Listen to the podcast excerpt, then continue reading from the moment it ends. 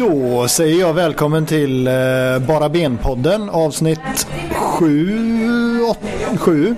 Ehm, och det är faktiskt så att det inte är Marcus Hanken som pratar utan det är Daniel Andrén som ska guida er denna afton. Ehm, och med mig har jag från höger Elsa Alm som eh, är tillbaka igen. Eh, känns härligt att vara här. Härligt, härligt. Och sen har vi... Jelena, jag ska tydligen bidra med lite ajvar i podden. Och vad betyder det? Ja, det vet jag inte. Men eh, kanske någon eh, stark kommentar. Vi får väl se. Okej, okej. Och till vänster om mig har jag... Christian tillbaka igen efter ett kort uppehåll. Härligt, härligt. Så jag tänker att vi eh, kastar oss in i eh, nyförvärven nu direkt och eh, pratar om eh, återvändarna. För nu har vi faktiskt nästan fått en eh, inflation av återvändare här. Vi har fått Wernbloom, Sebastian Eriksson, Jakob Johansson och Bjärsmyr till den här säsongen.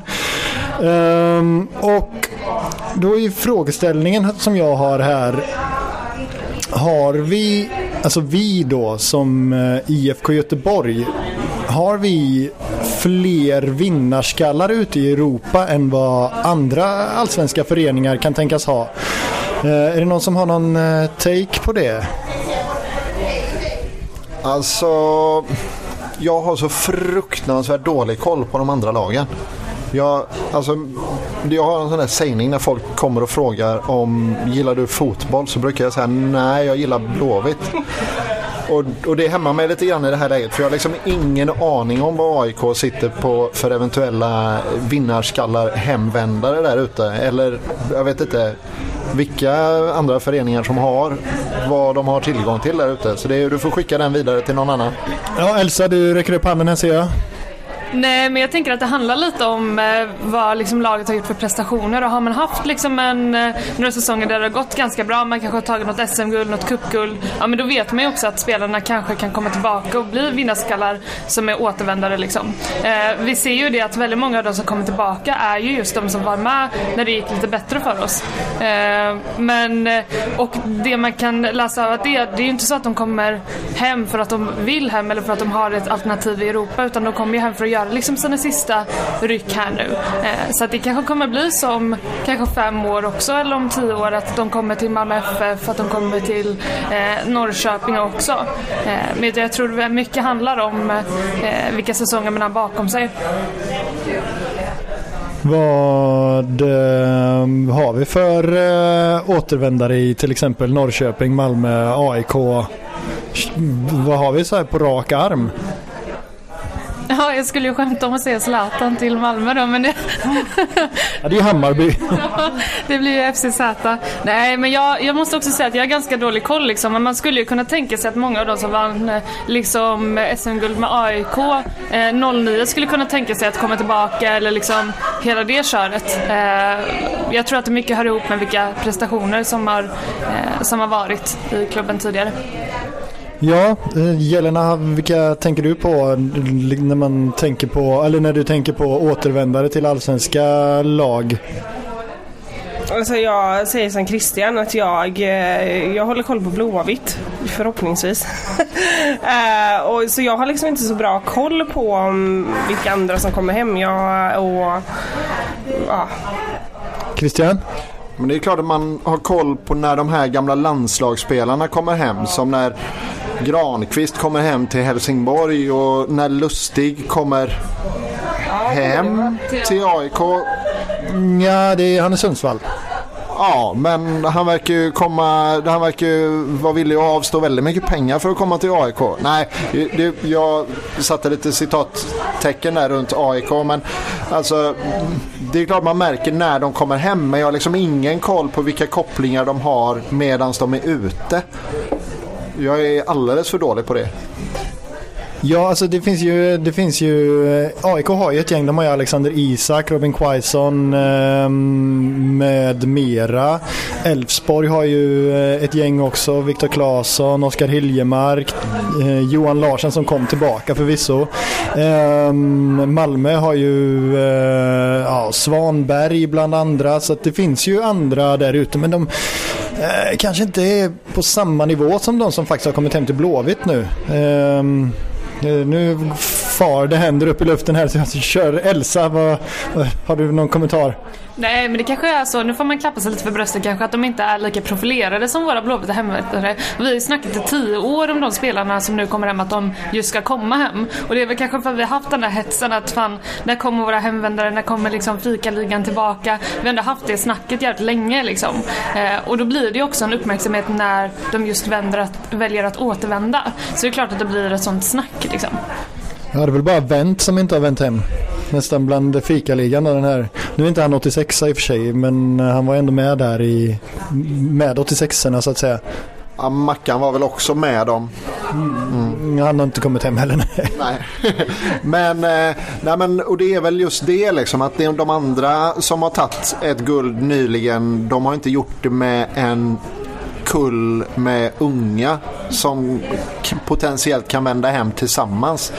Utan det är någon enstaka som kan vända hem en i taget på något sätt. Ja, men som Johan Larsson till till Elfsborg då. Eh, eller Granqvist eh, kan halta hem till Helsingborg liksom. Det, men annars så är det ju inte att de kan komma i en våg som vi har drömt om att de skulle göra till Blåvitt och så gör de faktiskt det. Och den minst väntade av dem allihopa kommer, Pontus Wernbloom. Ja, det är ju helt otroligt egentligen att det faktiskt ändå blev så till slut att Wernbloom eh, kom tillbaka. Eh, hur känns det? Jelena? Eh, det känns helt fantastiskt. Jag, du var med i den tråden och ge oss hopp. Eller någon, frågar Vulkan där att eh, finns det någon chans att Wernbloom kommer hem typ klockan kvart nio en, eh, på kvällen där och sen så han bara inte en chans och så, så gick det några timmar så bara var det klart. Det var, det var helt sjukt. Det är, det är helt fantastiskt. Det är, jag tror att det är precis det vi behöver för att eh, dels skapa stabilitet i eh, laget men också några som faktiskt kan pusha till prestation för det är väl det jag känner att man saknar. Det har varit väldigt eh, jäkigt. Ja, och jag är personligen väldigt eh, också väldigt glad över Wernbloom. Han är ju 86 precis som jag. Eh, Tjernobyl-generationen har någonting, så är det bara. Det betyder att hoppet lever för dig också alltså? Han gav mig hopp ett tag, men jag har inte gett upp än. Det kanske inte eh, blir någon karriär men det behöver inte vara för sent kanske. Christian, hur känns det för dig med eh, Wernbloom tillbaka? Nej men det känns ju helt, helt otroligt faktiskt. Ja, men det som jag var inne på innan, att man inte trodde att just han skulle komma. Jag trodde Wendt är den som har snackat om det mest, eh, känns det som. Och Bjärsmyr har varit här ett par gånger, Sebban har varit här, Gurra vände hem när det passade och sådär.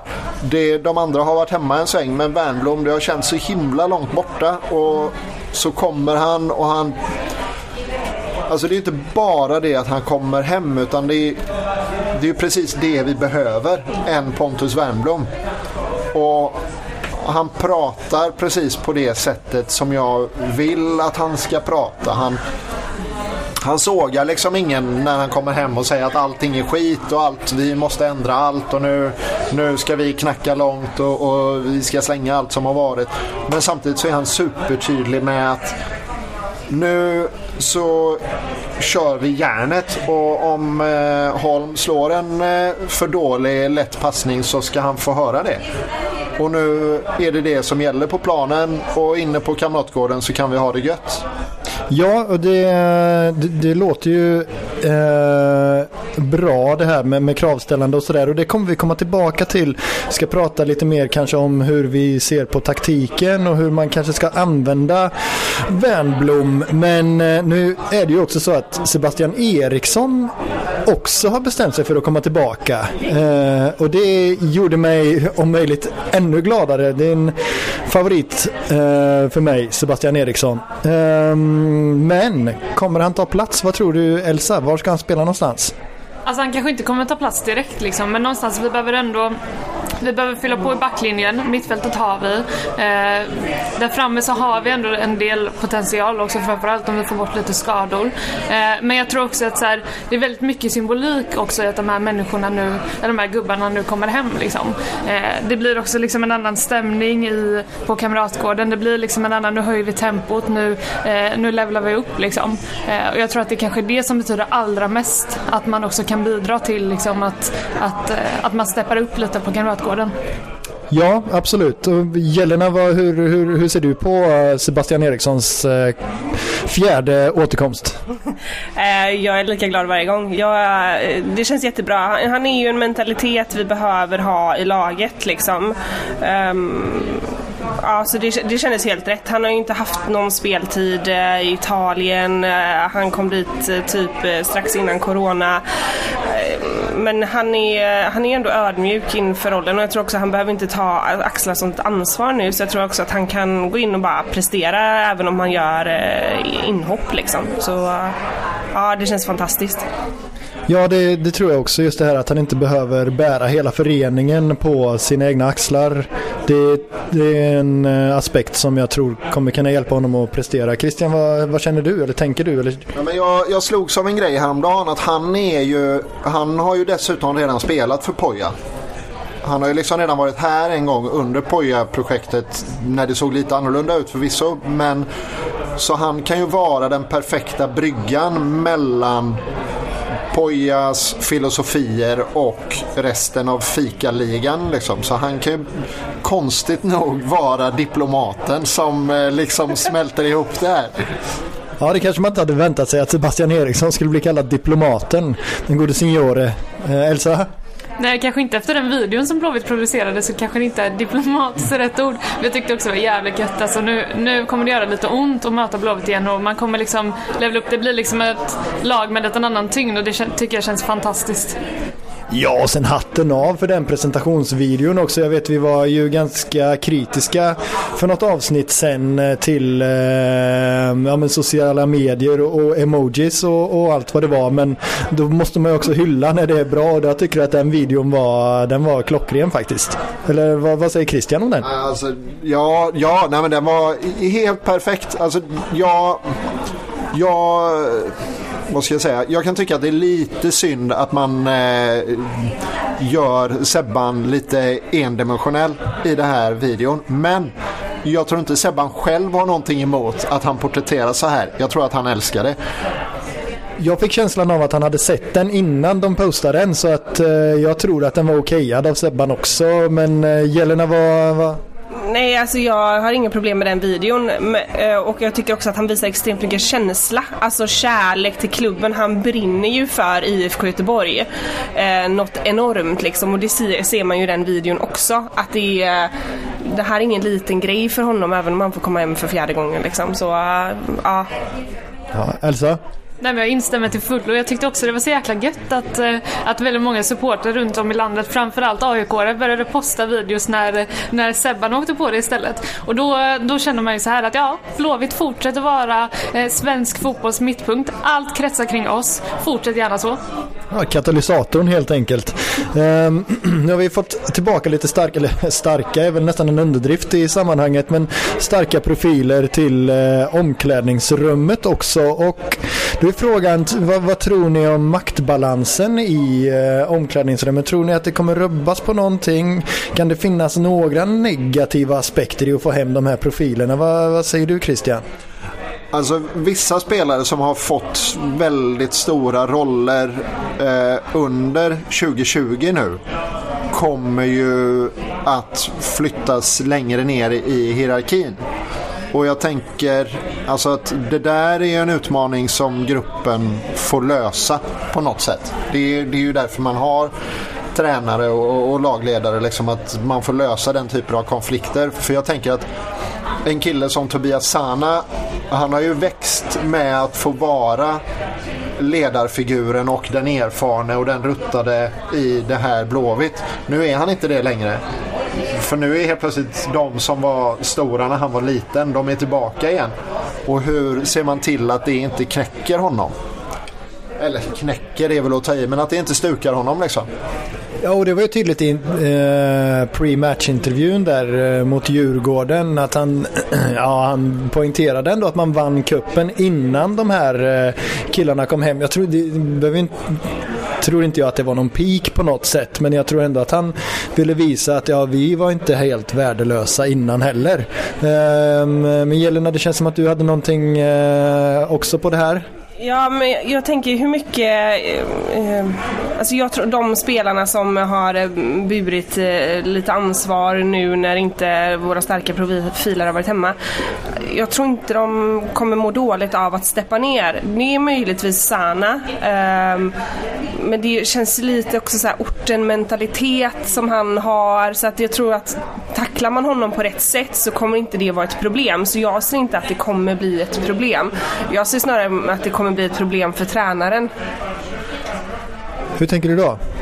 Ja, jag ifrågasätter kanske ledars... Alltså det kommer in väldigt starka profiler som ställer väldigt höga krav. De ställer ju inte bara kra höga krav på sig själva utan de ställer ju det på sin omgivning såklart också.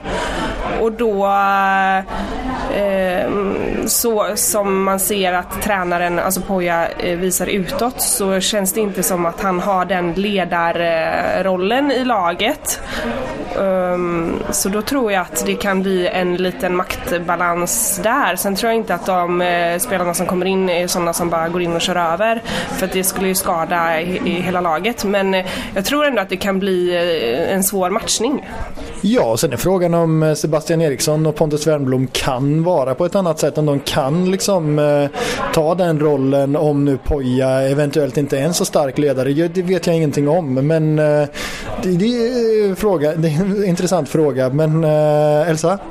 Nej men jag håller med om det som har sagts. Det som jag också tänker på att det optimala är ju om det blir som när Lasse Wiberg kom tillbaka och verkligen lyfte laget och visade liksom på det starka ledarskapet och, och liksom alla fick den här stora förebilden att se upp till. Men man ska ju också komma ihåg att det laget som fanns då, ja många spelare är också kvar men många har ju också kommit i år. Vi har liksom eh, en hel del spelare som är nya också och, och kanske också har återvänt med lite annan erfarenhet och hoppas också på att ta ett större ledarskap. Så det är klart att det kanske inte kommer få den Wiberg-effekten som vi ändå fick utan det kanske måste se ut på ett annat sätt. Men jag tycker att det är väldigt, väldigt positivt att många spelare nu kommer in med den här erfarenheten som många fortfarande saknar i Blåvitt. Ja, Lasse Vibe absolut i all ära. Han kom hem eh, i eh, ett eh, läge där han eh, var med och, och, vände på det hela. Men ehm, det var ju kortsiktigt. Judastal här. Exakt, men så gick... Är det bättre nu då menar du? Nej, men, eh, nej, jag tycker ju att han skulle utnyttjat optionen. Nej men skämt åsido. Jag tror ju att Vibes, Vibe var precis det Blåvitt behövde då och jag tror att Wernbloom är precis det som Blåvitt behöver nu och jag tror att Wernbloom kommer vara bra för Blåvitt på sikt på ett annat sätt än vad Vibe någonsin var tänkt att vara. Eller hade minsta intention att vara. Eh, men det är ju också med Wernbloom så att alltså, jag, jag, tror precis som du var inne på att han inte kan vara på något annat sätt än det han är. Liksom. Och jag, det jag möjligtvis är rädd för, jag är lite inne på den oron som Jelena känner att om Poja nu inte har, han kanske inte, det, det, hans styrkor i ledarskapet kanske inte ligger där liksom i att tackla de här starka erfarna spelarna som på många sätt kanske har mer erfarenhet av fotboll än vad han har själv. Liksom. Och, och det kan ju bli svårt tänker jag i ett omklädningsrum där så många spelare har tytt sig så himla starkt till honom som person och ledare på något sätt. Ja, absolut. Han har inte så mycket att backa upp eh, sitt ledarskap på kanske. Han har en eh, jättefin session i Gävle. Men eh, spelarkunskaper och sådär, det behöver man ju faktiskt inte ha som ledare. Men han har ingen vidare bakgrund i fotbollen så sett. Absolut. Så det är klart att det finns en, en skev maktbalans där genom, ge, mellan en Pontus Wernblom och Poja. Liksom. De, Wernblom har ju eh, en helt annan karriär bakom sig Eh, ja, jag tänker liksom att Wernbloom har en karriär där han är van vid en helt annan typ av ledare. Liksom. Jag kan inte tänka mig att hans ryska tränare påminner särskilt mycket om i sin ledarstil om den stilen som Poja har. Liksom. Nej, det är sant. Du räckte upp handen där Jelena. Ja, alltså jag tänker på ja, som ledare, det är, ju, det är ju det vi ser under match eller eventuellt om vi är uppe på en, eh, på en träning. Uh, så jag tänker, det är det han utstrålar är inte kanske just pondus som jag tänker att Pontus uh, utstrålar. Så det är väl där jag ifrågasätter, sen vet jag inte men ja, från det, ja, det vi ser. Ja, Elsa vad hade du att säga om eh, Nej men jag tror att det handlar ganska mycket om ålder också om jag ska vara ärlig. Att så här, det är klart att de här spelarna är ju väldigt nära liksom Poja åldersmässigt och det är klart att eh, det är klart att då blir det svårare att ha en auktoritet om man inte har heller en enorm erfarenhet att komma in och säga nej men nu är det jag som styr den här båten liksom. Eh, utan det är klart att det nog kan vara flera som utmanar men det behöver kanske inte heller vara någonting negativt om man är ödmjukt inställd till det och, och tänker liksom att nej men det är klart att jag kan utnyttja dessa gubbars erfarenhet liksom. Eh, det sista vi vill ha är någon typ av konflikt i den här situationen situationen liksom.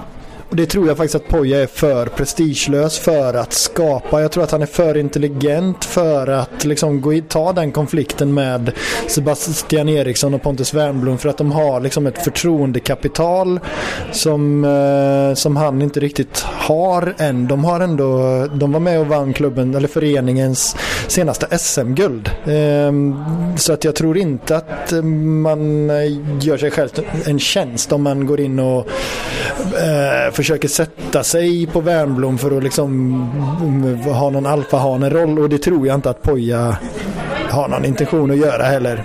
Nej det tror inte jag heller, absolut inte.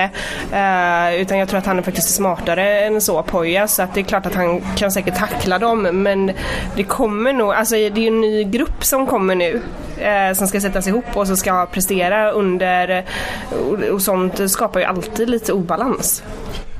Ja, och det jag tänker att risken... Den största risken som jag ser med den här eh, högst eventuella clashen mellan eh, hemvändarna och Poja. Eh, väldigt spekulativt kan jag ju tillägga. Men då, det är kanske inte så mycket Pojas reaktion utan de yngre killarna i laget som har liksom eh, eh Poja som sin att de är Pojas gubbar så att säga och så kommer det in nya killar och utmanar deras tränare på något sätt. Att, att eh, klyftan i träningsrummet skulle vara mellan de två lägren snarare än mellan tränaren och hemvändarna. Jag tror inte att det är allas idoler som kommer hem nu. Oh, jag tror inte att Hossa Majesh har Sebban Eriksson och Pontus Wernbloom som idoler riktigt. Borde ha. Ja, precis. Han borde ha det. Nej, och sen ska vi väl också poängtera att det är ju ingen som sitter och driver en tes här om att Pontus Wernblom kommer in för att utmana Pojas ledarskap. Um, men det är, när man är en sån naturlig ledare som Pontus Wernblom är så så, kom, så kommer det ju kanske inte vara helt friktionsfritt och det skulle mycket väl kunna bli så att ja, men det blir liksom eh, splittringar på ett eller annat sätt eftersom att här kommer Pontus Wernbloom och skäller när jag slår en felpass. Vem är han liksom? Det är jag inte van vid. Hur ser ni på det? Det här med att man eh, helt plötsligt ser eh, någon eh, skälla ut en för en eh, felpass. Vad tänker Elsa kring det liksom? Nej men alltså den, den mentalitet som Pontus sa att ah, jag skiter om någon blir ledsen liksom utan nu måste vi steppa upp. Alltså jag tror också kanske att no, det är liksom någonting som folk behöver höra. Sen så är det väl viktigt att man tar liksom de snacken på rätt sätt Du kanske inte skäller ut inför grupp och skapar någon liksom rädsla för att kunna liksom eh, för att kunna spela Blåvitt liksom. Det, det, vore inte, det var inte bra om man spred en terroravskräck i omklädningsrummet. Men, eh, men jag tycker ändå det är positivt liksom. Jag tror att många unga spelare behöver höra att nej men det här gör du bra men det här gör du mindre bra. Träna på det här. Eh, för det är klart att ingen mår ju bra av att bara liksom gå runt och få ryggdunk i tio år och tro att det är liksom det som gör att det är en bra spelare utan man behöver veta vad man ska utveckla. Och det är fantastiskt som spelare kommer in och, eh, och, och liksom kan eh, hjälpa till att se det, kan hjälpa till att kritisera men också backa upp när det behövs. Ja, vad säger du Jelena? Nej men jag håller med. Alltså han kan ju, eller Pontus och Sebban och Bjärs kan ju utmana de yngre att eh, vilja framåt. Ja, absolut. Det tror jag också. Eller vad, vad, vad är din tanke kring kravställandet Christian? Ja, har ni hört Pontus eh, podden som Blåvitt släppte idag med Pontus? Nej. Där pratar han eh, en hel del om han, han uttrycker det inte som kravställan utan han pratar mycket om att för de här unga killarna ska lyckas framöver så krävs det en viss nivå av noggrannhet. Att man kan inte slarva med de enkla grejerna och inbilla sig att saker och ting ska funka. Utan de enkla grejerna måste sitta och sitta varje gång. Och sen så kan man misslyckas när man kommer ut på de lite svårare grejerna längre fram i banan eller så. Men de enkla passen, de ska sitta 100 av 100 gånger. Och då behöver man få höra det när man inte är fokuserad. Och han uttryckte det så himla bra för han hängde liksom inte ut Holm eller någon annan utan det var liksom man måste fokusera, man måste anstränga sig. Han uttryckte det liksom inte som att de slarvar eller som att det har varit någon dagisverksamhet innan. Och det är perfekt. Är det inte väldigt fint också att de här spelarna kommer hem och har vuxit liksom till inte bara kötta och sparka och liksom utan faktiskt eh, på ett naturligt sätt eh, kan jobba framåt och ta en fin ledarroll. Det är ingen bara gentlemen's coach vi fått hem utan det är ju ändå lite mer ödmjukhet, lite mer eh, helhetsperspektiv, lite mer se vissa spelare så det är fantastiskt tycker jag. Guldstjärna. Är du vaken? um, yeah. Uh, vi öser vidare till nästa nyförvärv som faktiskt kommer från Malmö FF. En talang som väl kanske inte går raka vägen in i startelvan. Eller vad tror ni där? Vad säger du Christian? Alltså vi varvar en vänsterback från Malmö FFs ungdomsled. Typ igen, för det var ju nästan det vi gjorde med Viktor. Han hade varit en vända i danska andra ligan emellan, men eh, det är ändå... Ja, jag vet inte. Jag, jag, som Antonio hade sagt om han var här, att jag, jag är orolig. Vi värvar en supertalang från Malmö FF. Eh, Gällande kommentarer på det? Jag är jätteledsen men jag har ingen koll på Malmö så att jag får bara hoppas att det är en bra värvning vi har gjort. Det jag vet är att han har varit med på någon eh, försäsongsturné i alla fall med Malmö FF och det är väl, eh, säger väl ingenting i och för sig kanske men det, det, ja, det, mm, frågan då är ju kanske inte hur bra är Jaja för det är ju ingen av oss som har koll på Malmös eh, juniorer av förklarliga skäl eh, och det är väl gott att det är så kanske. Sunt om inte annat. Um, men vem eh, nyper vänsterbackspositionen nu när eh, Wernersson är på väg bort? Titti eh, till Norby på lån. blir det Jaja eller blir det Jallow eller blir det Sebastian Eriksson? Vad tror du och vad vill du Elsa? Sebastian Eriksson vill jag ju. Samtidigt så vet vi ju inte hur det är formmässigt och hela den biten. Men vi vet ju inte riktigt hur det är formmässigt på någon egentligen. Det är ju inte så att vi har jättemycket att välja på. Det ser ju ganska skralt ut. Och det, är inte liksom, eh, det går ju inte att vräka i, eh, i liksom prestation här utan man får ju liksom lite ta det, det som är välja liksom det minst sämsta alternativet. Men det är klart att eh, jag vill gärna se Sebastian Eriksson på den, på den platsen så fort som han är liksom redo för 90 minuters matcher en gång i veckan. Eh, Sebban ska väl vara redo förutom matchtempo och i och med att vi inte har någon U21-serie så enda sättet att få matchtempo är att spela match. Eh, för tränat har han gjort hårt i Italien liksom, så han är ju med. Han har ju inte varit borta på grund av skada eller någonting. Nej, men, och jag, eh, alltså utan att raljera så tror jag att eh, Jaja kan vara en toppenvärvning. Liksom. Det är ju bara det att vi vet ingenting i och med att det inte finns någon U21-serie. Ingen har sett honom spela, ingen vet någonting. Mer än att han var med på Malmös försäsongsläger så då är man väl inte klappkass. 2019. Ja, ah, okej. Okay. Så eh, Elsa, Nej, men jag tänkte bara, för att Poja brukar alltid vara så här så fort vi får hem någonting. Alltså vi vill jättegärna väl liksom att de ska köras in direkt och börja spela liksom. Men han är alltid så här, ja ah, vi vet inte när de är redo för 90 minuter bla bla bla. Så att jag hoppas ju liksom att så fort som möjligt eh, så ska de in i matchtempo i liksom köra 90 minuter. Både liksom Wernbloom, Sebban, alltihopa liksom. Varför då? Ja men det är ju bra spelare vi fått hem, varför ska vi inte utnyttja det? Sebastian Eriksson är med. Han ska alltid spela 90 minuter oavsett position. Men eh, hur tänker du kring Wernbloom? Liksom? Ska han verkligen in 90 minuter och bara köra efter de här skadorna? När han är redo för det? Ja, alltså kanske inte i dagsläget liksom. Utan så fort de är redo så ska både Wernbloom och Sebban in och köra 90 minuter. Vi ska ju inte liksom slänga in någon så att de skadar sig och liksom tappar en hel liksom, eh, det sista de har kvar liksom. Utan så fort de är redo ska de in, köra 90 minuter och, och göra det jävligt bra. Ja. Um, Jelena, vad, har du några tankar kring vänsterbacksplatsen? Vem vill du se? Seb. Ehm, jag ser ingen annan. Alltså, han är nog mest rutinerad eh, fast han inte är skolad eh, vänsterback. Så tror jag att han är nog den som bäst kan axla rollen, alltså som skapar trygghet också. Vi har ju ett försvar som släpper in eh, bollar lite för, eller släpper igenom bollar lite för lätt. Ja, och det är spännande det med Seb tycker jag för att han lyckas Alltså, alltså han, under Jörgen så blev han ju vänsterytter ett tag när det inte fanns plats på innermitten och under Poja så blev han mittback, vänsterback, högerback eh, när det inte fanns plats på mitten. Så att han har ju uppenbarligen någonting som, som tränarna vill ha eftersom att de uppenbarligen försöker hitta sätt att få in honom i en startelva och det är ju väldigt fascinerande tycker jag. Vad, kan du se Christian liksom vad, vad det kan tänkas vara för någonting? Nej, men jag, jag har eh, ett jättetydligt minne av Seb när han blir inbytt i en kuppmatch i Falkenberg. Någon gång 2009 tror jag. Blåvitt har spelat lojt och ligger under med 0-1. Seb tar två gula kort inom loppet av 10 minuter eh, och blir utvisad. Men väcker laget och Blåvitt vinner med 2-1. Eh, och där finns ju någonting, en arbetskapacitet och liksom en vilja att gå genom, ja, men genom vad som helst för Blåvitt.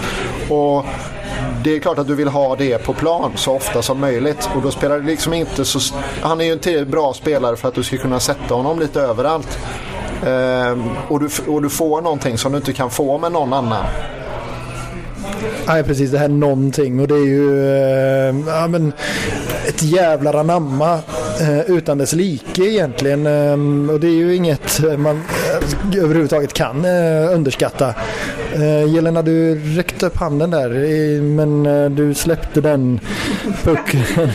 yeah. drar ner handen. Ja, just det, just det, just det. Um, jo, men eh, så de flesta, eller alla är rörande överens om att Sebastian Eriksson ska ta vänsterbacksplatsen uh, och sätta den här nya junioren på bänken och Wernersson kan sitta på läktaren tills han sticker till Belgien då antar jag, eller vad? Nej, nej, det var väl bara mer att det var det jag tänkte att vi skulle snacka lite om. Alltså just det här Vitt Wernersson, för det snackas ju en del om att han skulle åka till liksom Belgien direkt och sen verkar det där lite runt ut i sanden. Mm. Det kanske blir så, vi får väl se.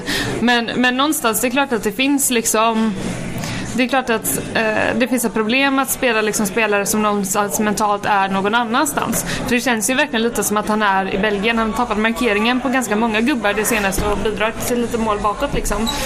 Ja, han står ju och tänker på våfflor liksom. ja, verkligen. Jag kan inte... Jag kan, alltså det, det hade jag nästan också gjort. Eller? Man kan ju inte klandra honom. Nej, verkligen. Exakt det jag tänkte. alltså belgiska våfflor är ju liksom en... Det är en grej... det är en grej för sig liksom. Nej. Ja, det var bra tips.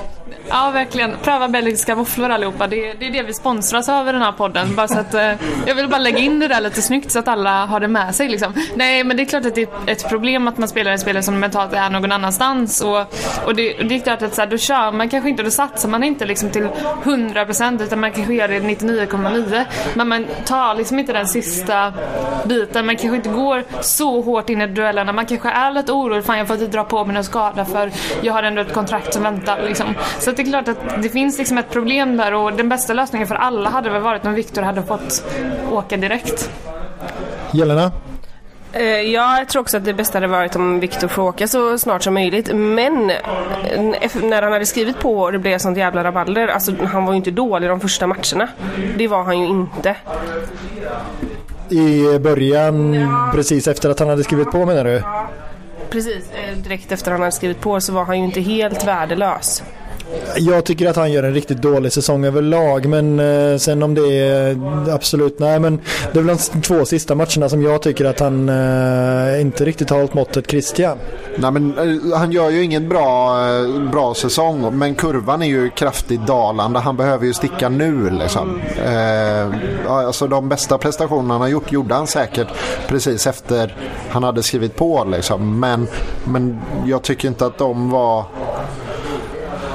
jättebra heller. Men jag tror att vi kommer tyvärr få se honom i en match till. För det belgiska fönstret eh, stänger månadsskiftet nu, augusti-september. Så jag tror att han kommer vara kvar en match till och är han kvar i truppen så lär han väl få spela.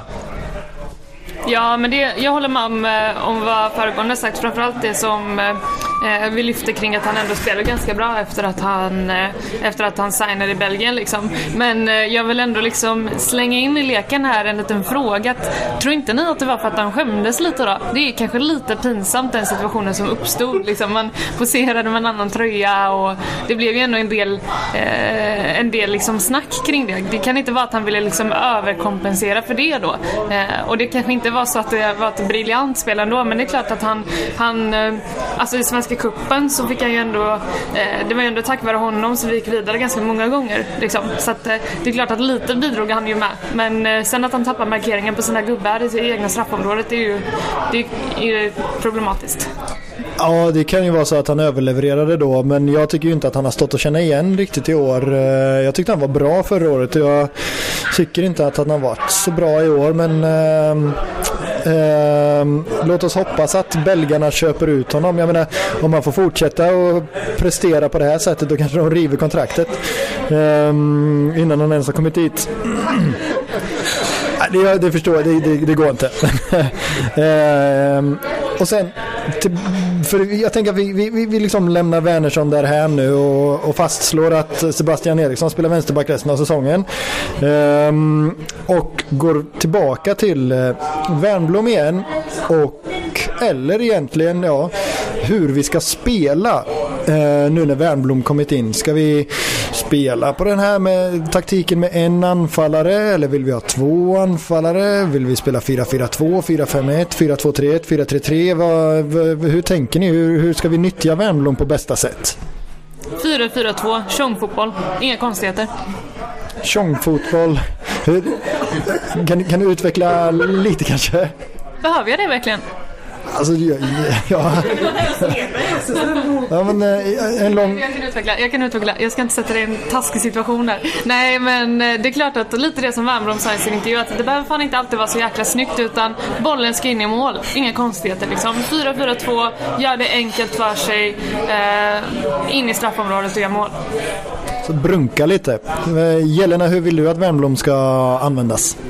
Ja, men jag håller med. Alltså, vi behöver göra mål, skitsamma hur det ser ut. Uh, och det, jag tycker att taktiken vi har haft hittills inte har fungerat. Det är ju rätt uppenbart. Men har vi ett andra bollspel för att spela långa bollar på det sättet då? Nej, alltså, nej det vet jag inte. Men, uh, men uh, jag tror att med honom så kan vi ändå prestera mål. Ja. Vi kan inte bara ha en spelare på topp, det, det tror jag inte på. Nej, Christian? Ja, jag hade gärna sett en uppställning med två anfallare men jag tror inte jag kommer få se det den här säsongen. Så det är, det är liksom ingen idé att drömma för mycket kring det. Men jag hade gärna sett Kouakou och eh, Wernbloom på topp där de kan växeldra lite grann. Eh, och där man, jag, jag, tror att Aiesh hade funkat alldeles utmärkt som ytter i ett eh, 4-4-2 och Jordi är med för den delen. Så vi hade kunnat, vi hade kunnat spela 4-4-2 med det materialet vi har. Det är inga konstigheter. Men vi kommer inte få se det. Så det är ingen idé att prata så mycket om det. Men eh, och, och om vi då lämnar det därhän så eh, vill jag ha Wernbloom eh, längst fram nu i början tills vi har skrapat ihop lite poäng i alla fall. Ja, ehm, det här med tjongfotboll vet jag väl inte om jag eh, skriver under på.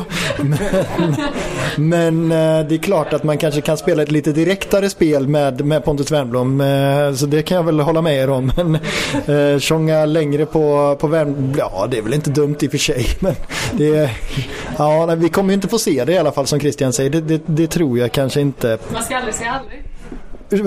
Man ska aldrig säga aldrig. Man kan hoppas i alla fall. Drömma kan man. Det vore ju kanske bra för vårt resultat om vi vågade liksom köra lite mer direkt fotboll in i straffområdet, bara göra mål liksom. Fall, vi kan inte hålla på liksom med det här eh, med den här processfotbollen som vi har gjort hittills, för den håller ju uppenbarligen inte. Byt spelstil, inga konstigheter. Så um, bara benpodden, den snabbast växande Blåvita supporterpodden är alltså för någon form av raka, långa bollar på uh, Wernbloom. Ja, Christian?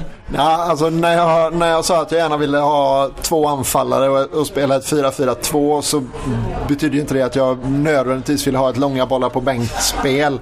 Liksom. Vi, vi, man kan ju spela ett varierat spel med 4-4-2. Det behöver ju inte ha den mallen. Liksom. Och det, men som sagt, vi kommer inte få se två anfallare i år ändå så, så vi kan släppa det. Men med Wernbloom så får vi ju en variation. Vi måste inte tiki-taka oss fram till precis straffområdeslinjen och sen jaga instick. Eller möjligtvis ut på kant och sen snett inåt bakåt till ingen för att det är tomt i boxen. Utan nu får vi någonting annat. Vi får en möjlighet till inläggsspel som vi inte har haft innan. Och jag tycker att vi fick ju exempel på det på Djurgården direkt. Liksom. Pakas kanoninlägg och helt plötsligt hade vi tre pers i boxen och så var det mål. Det, den variationen, det räcker liksom. Vi måste inte ha tjongfotboll. senast jag kollade truppen så hade vi ingen Bengt heller så att... Uh, uh, yes Elsa? Eh, snabb input där då bara. Varken tjongfotboll eller processfotboll då hoppas jag. Processfotboll, processad fotboll kanske.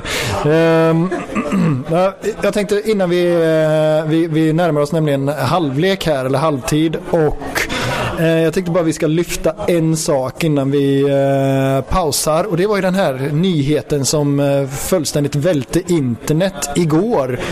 Örebro SK var ute och högg på Sargon. Vad tänker ni kring att Blåvitt behöll honom? Eh, rätt eller fel agerat? Eh, Elsa, du kan få börja resonera kring det så här, har man inte fått rätt bud för Sargon så kanske man bör hålla i honom. Samtidigt så hade det ändå varit jävligt gött att se Sargon i Örebro. Men vad är rätt bud? Och varför? Två frågor. Två frågor. Först, första frågan. Jag vet inte ens vem hon missar. Nej, eller hur? Nej, jag förstår ingenting. Första frågan. Vad är rätt bud? Andra frågan. Varför vill du se Sargon i Örebro? Nej men alltså det, jag kan inte spekulera riktigt vad som är rätt bud utan det tror jag att marknaden får avgöra. Men det hade väl varit gött att se Sargon överallt annars än i Blåvitt. Så mycket kan man väl säga. Oj oj oj. oj. Jelena? Ja, jag är lite chockad här. men alltså jag tycker ju jag tycker lite synd om Sargon för jag tycker ändå, men jag tycker att han har potential. Det är bara att det, det blir aldrig av. Ja, det är bara 29 ja, nej men han är ju kokt. Nej men alltså jag tycker ändå det, man ser ju ändå att det finns någonting där men det klaffar inte och det är det jag tycker är lite tråkigt. Eller jag tycker, där tycker jag synd om honom. Så uh, jag tycker inte som uh, Elsa att det uh, hade varit fint för honom i Örebro. Nej, kanske inte Örebro just, helst någon, helst någon annan AFC. Skit, någon annan skitklubb liksom. Ängelholm kanske. Tillsammans med Johan Oremo, det vore något. Helst någon superettan-klubb som man slipper se det liksom. Men nej, skämt åsido, det är klart att han har väl ändå haft liksom eh, sina liksom fördelar också men det har ju som Jelena säger att det har ju liksom aldrig liksom eh, lossnat och, och det, nej, det är liksom, eh, jag är ganska trött på att man ändå fortsätter och ger chans efter chans efter chans när det aldrig blir bättre. Men är det hans? Nej, du får någonstans avsluta det projektet och försöka gå vidare för det funkar ju inte liksom. Men är det hans fel eller Pojas fel? Ja, det kanske är Pojas fel. Men då kanske det är kul för honom att vara Örebro på en annan tränare. Vad vet jag? Axel Kjell kanske kan göra mirakel med Sargon Abraham, men det får vi aldrig veta. Inte, inte än på ett tag i alla fall. Christian? Nej, inte detta fönstret, ja. men kanske nästa. Eh, nej, men Sargon har ju sina kvaliteter, men jag tycker inte att de är att spela spets. Det, men det här har vi pratat om innan i podden, att eh, Sargon är hemma på en kant om han ska spela i Blåvitt. Ja, jag trodde ju att han skulle göra det bättre på spets men jag får ju backa där.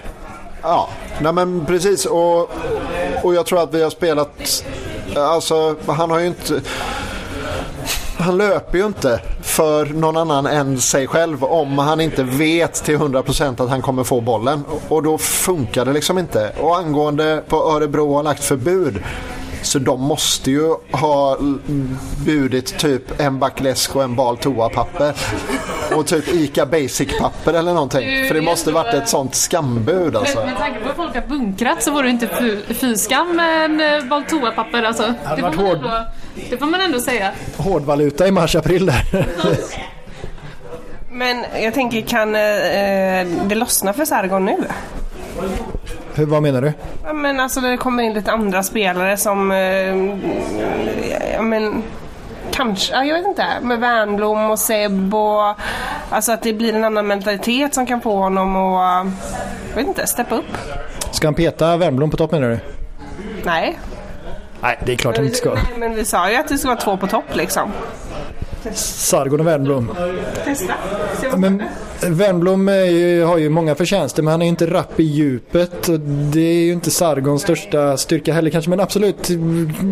Men du tänker att det här ehm, att de här kravställarna ska lyfta Sargon då? Ställer jag ledande frågor. Ja, ja precis det. Ja, men varför, alltså det blir en annan mentalitet i, i laget och det kan ju förändra vilken spelare som helst. Ja absolut, absolut. Ehm, jag tror Elsa kanske var först där då. Det är mycket möjligt. Nej, men jag får väl käka upp min, eh, min högra sko om det är så att Sargon bara helt plötsligt hamnar i toppform och liksom dundrar in mål. Men tillåt mig att tveka. Så mycket kan jag väl ändå säga. Eh, för det har ju faktiskt inte lossnat för honom än och eh, jag ser faktiskt inte riktigt ljuset i den tunneln. Och det är jättetråkigt. För det är klart att det är alltid tråkigt när det inte går bra för en spelare som man ändå hoppas att det ska gå bra för. Det är klart att killen kanske har hjärtat på rätt ställe liksom. Men det lossnar inte. och Då får man liksom rycka plåstret. Så är det. Japp, Christian. Ja, men sista delen i Sargon-sågen här då. Ja, men, eh, det är nog många hattar och skor som, eh, som ska ätas upp om Sargon börjar ösa in mål. För det, det har inte känts nära hittills. Eller ett tag kändes det ju nära. Varje match typ. Känns väldigt nära några gånger men ja, nära skjuter ingen har det.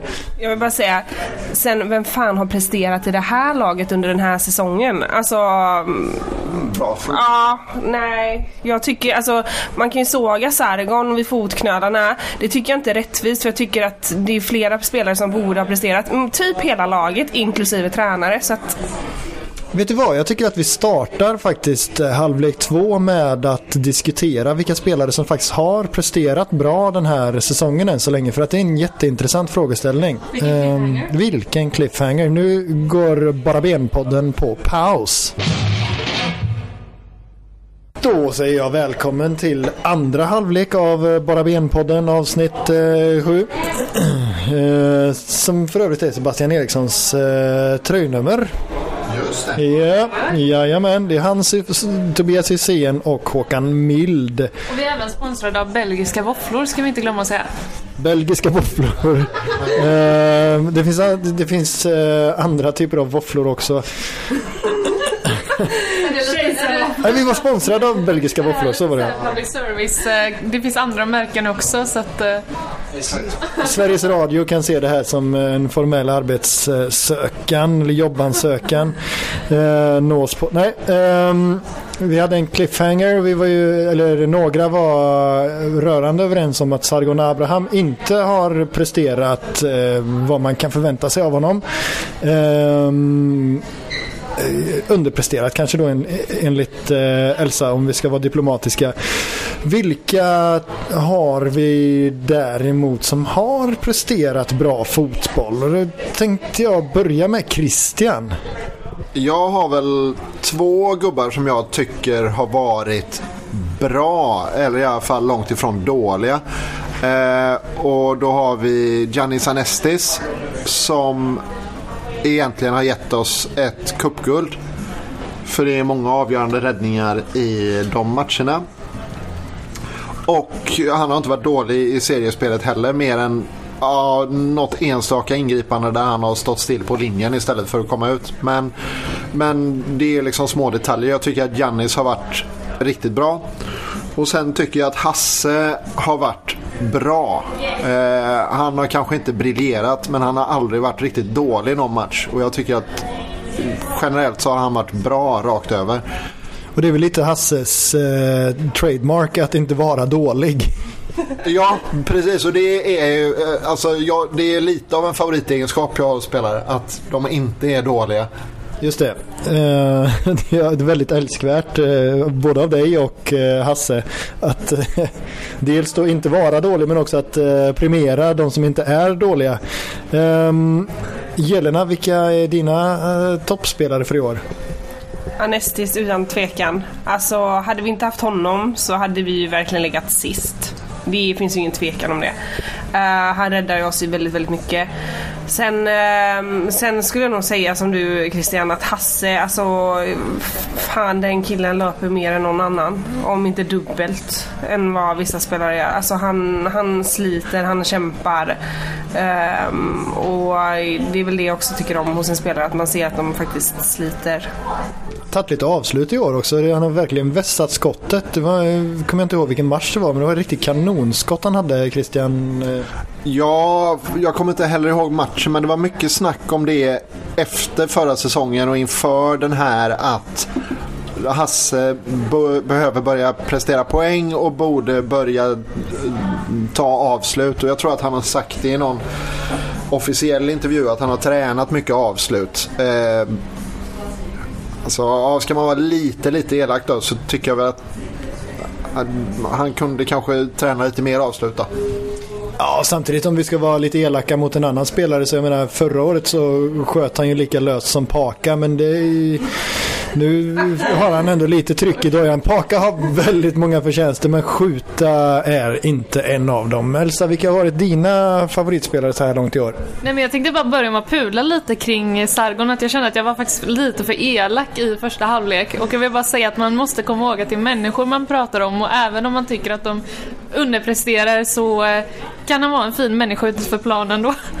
Men, men eh, det till är faktiskt väldigt viktigt att, att tillägga det att de kan, vi pratar ju om fotbollsspelaren här och inte personen Sargon, absolut.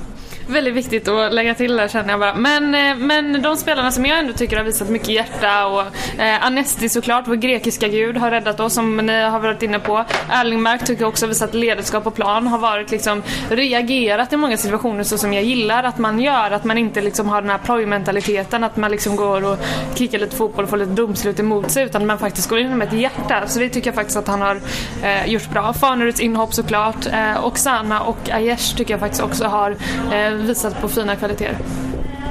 Ja, eh, det var ju eh, min tur då kanske antar jag. Jag tycker ju Anestis, men eh, det behöver man inte motivera ytterligare. Sen tycker jag att Tobias Sana har eh, spelat väldigt bra i många matcher. Han eh, är den som slår flest eh, nyckelpassningar i många matcher och för den som vill veta vad en nyckelpassning är så är det en passning som leder till avslut. Ehm, och sen eh, så tycker jag Paka har trots en del bolltapp och sådär ändå varit där det händer och gjort sina poäng och det är ju också en egenskap ehm, att hylla. Christian? Jag sa ju innan att jag gillar spelare som inte är dåliga. Jag har ju också en liten svaghet för spelare som Paka som kan kännas dåliga en hel match och ändå sen avgöra den. Ja men lite Pippo Inzaghi-stuket där. Det är, ju, det är man ju svag för. Det är ju, ja även Teddy Sheringham som är en personlig favorit. Men han var ju aldrig dålig i och för sig. Um, uh, Ja, vi har värvat ganska friskt. Um, tunga löneposter och antagligen en och annan sign-on kan man tänka sig i Wernbloom, Jakob, eh, Sebastian och Bjärsmyr. Um, vad tror ni, behöver någon säljas och vad säger ni om det här uttalandet som eh, Pontus Farnerud hade i eh, GT om att det inte kommer några bud för på spelare i, från bottenlag. Ska vi vara oroliga för ekonomin eller tror ni att vi har någon försäljningspotential i truppen? Och jag tror att Christian var först där. Alltså det är klart att vi har försäljningspotential i, klubb, i truppen. För man ska ju inte tro, precis som att vi ofta får höra från klubben att värvningsarbetet är långsiktigt och man jobbar med skuggelvor och man värvar sällan spelare på så korta boliner som liksom någon månad eller så utan man har haft koll på spelaren under ett eller flera år. Och, och Det är ju inte unikt för Blåvitt utan så jobbar ju de andra klubbarna också. Så de som vill köpa Hasse de ser ju hon, alltså de är ju intresserade av att köpa honom i år för det han har presterat de andra åren. Likadant med Karasjvili. Nu är han skadad förvisso. Svårare att sälja honom då. Men det är klart att det finns potential att sälja spelare. Men nu har ju fönstret stängt så det blev ju ingen såld nu. Utan det blir ju i nästa fönster då. Nej, det, Europa är öppet fortfarande. Ja, just det. Vi är i den delen av fönstret. Sverige är också i Europa, jag vet det. Men... Ja, ja, ja, ja, ja jag, jag är med i, i den felsägningen. Eh, eller så, den feltänkningen. Eh, ja, ja, nej, men vi är i den delen av fönstret där de får köpa men vi inte får köpa. Eh, ja, ehm, ja nej, men då kan man väl tänka sig att vi faktiskt eh, säljer Hasse då. Du tror det? Eh, Jelena, du eh, räckte också upp handen här. Ja, alltså vi ska absolut vara oroliga för ekonomin. Eh, och sen så Corona har ju ställt till, ställt till det och jag tror också att det ställer till det när det kommer till köpet på så vis att det finns säkert klubbar som har varit intresserade av våra spelare. Eh, främst Hasse skulle jag nog tro. Eh, men som säkert inte kan köpa på grund av eh, stängda gränser. Ja, och Hasse har ju faktiskt haft ögonen på sig från riktigt stora klubbar. Alltså Ajax, det var Fenerbahce eller Galatasaray nu senast och Premier League-klubbar också. Så att det är klart att det finns en försäljningspotential där, absolut. Det tror jag också. Ähm, Elsa, vad, vad tror du? Nej, men jag vill återkomma till det som eh, Max Markusson sa i Blåvitt eh, Blåvitt tilläggstid på alltså den här eh, podden som Marcus Mader gör. Eh, att just vi ska vara liksom en säljande klubb och, eh, och det innebär ju också att vi behöver sälja fler spelare också för att få ekonomin att gå ihop. Och det är klart att man är orolig och det är klart att man kan sitta här och spekulera liksom. Eh, och då känns det också väldigt jobbigt som supporter nu när man vet att man får inte gå på matcherna. Eh, vi liksom förlorar intäkter 2-3 miljoner per match. Eh, det ser jäkligt mörkt ut liksom. Eh, och det är klart att man, man blir orolig liksom. Sen så ska man ju veta att alla, hela fotbolls-Europa är ju oroliga och eh, försiktiga av sig överlag här nu. Och det gör ju att det finns mindre pengar i systemet. Och vi som ligger längst ner i det rotsystemet det blir ju helt torrt här nere. Det är ingen som köper hos oss för det sätter inte igång högre upp. Men om Lionel Messi nu flyttar för 7 miljarder eller vad det nu blir och det börjar liksom röra sig lite pengar i systemet då kommer det hända saker ganska fort tror jag även här nere, längst nere i skuggan. Men fortfarande så eh, förlorar ju, alltså klubbarna kommer ju inte öppna upp för eh, matcher på det sättet för jag läste väl, det var väl idag som Tyskland har stängt för resten av året liksom för publik på match och jag kan tänka mig att det Uh, visst att det ser annorlunda ut i Sverige med hur kurvan har legat här och så vidare. Så, uh, så tror jag att innan pengarna kommer röra sig så är vi ändå inne i ett annat fönster. Men de här typerna av pengar som man köper eller säljer Lionel Messi för det är ju inte biljettpengar utan det är ju oljepengar från någon shake någonstans ja. eller så. Och när de pengarna väl kommer in i systemet så sipprar de ju runt även ner till Zweite Bundesliga-klubbar som kan tänka sig att köpa ja, jag vet inte, inte Hasse, men eh, ja. Butterfly-effekt på något vis. Ja, ja nej, men precis. Hasse köps, Hasse köps för oljepengar. Det låter ju inte jättetroligt. Men eh, vad som helst kan hända i fotboll. Bollen är rund. Jag menar, ja, det, Hasse köps för ol, äh, oljepengar är väl en bra rubrik för programmet om inte annat.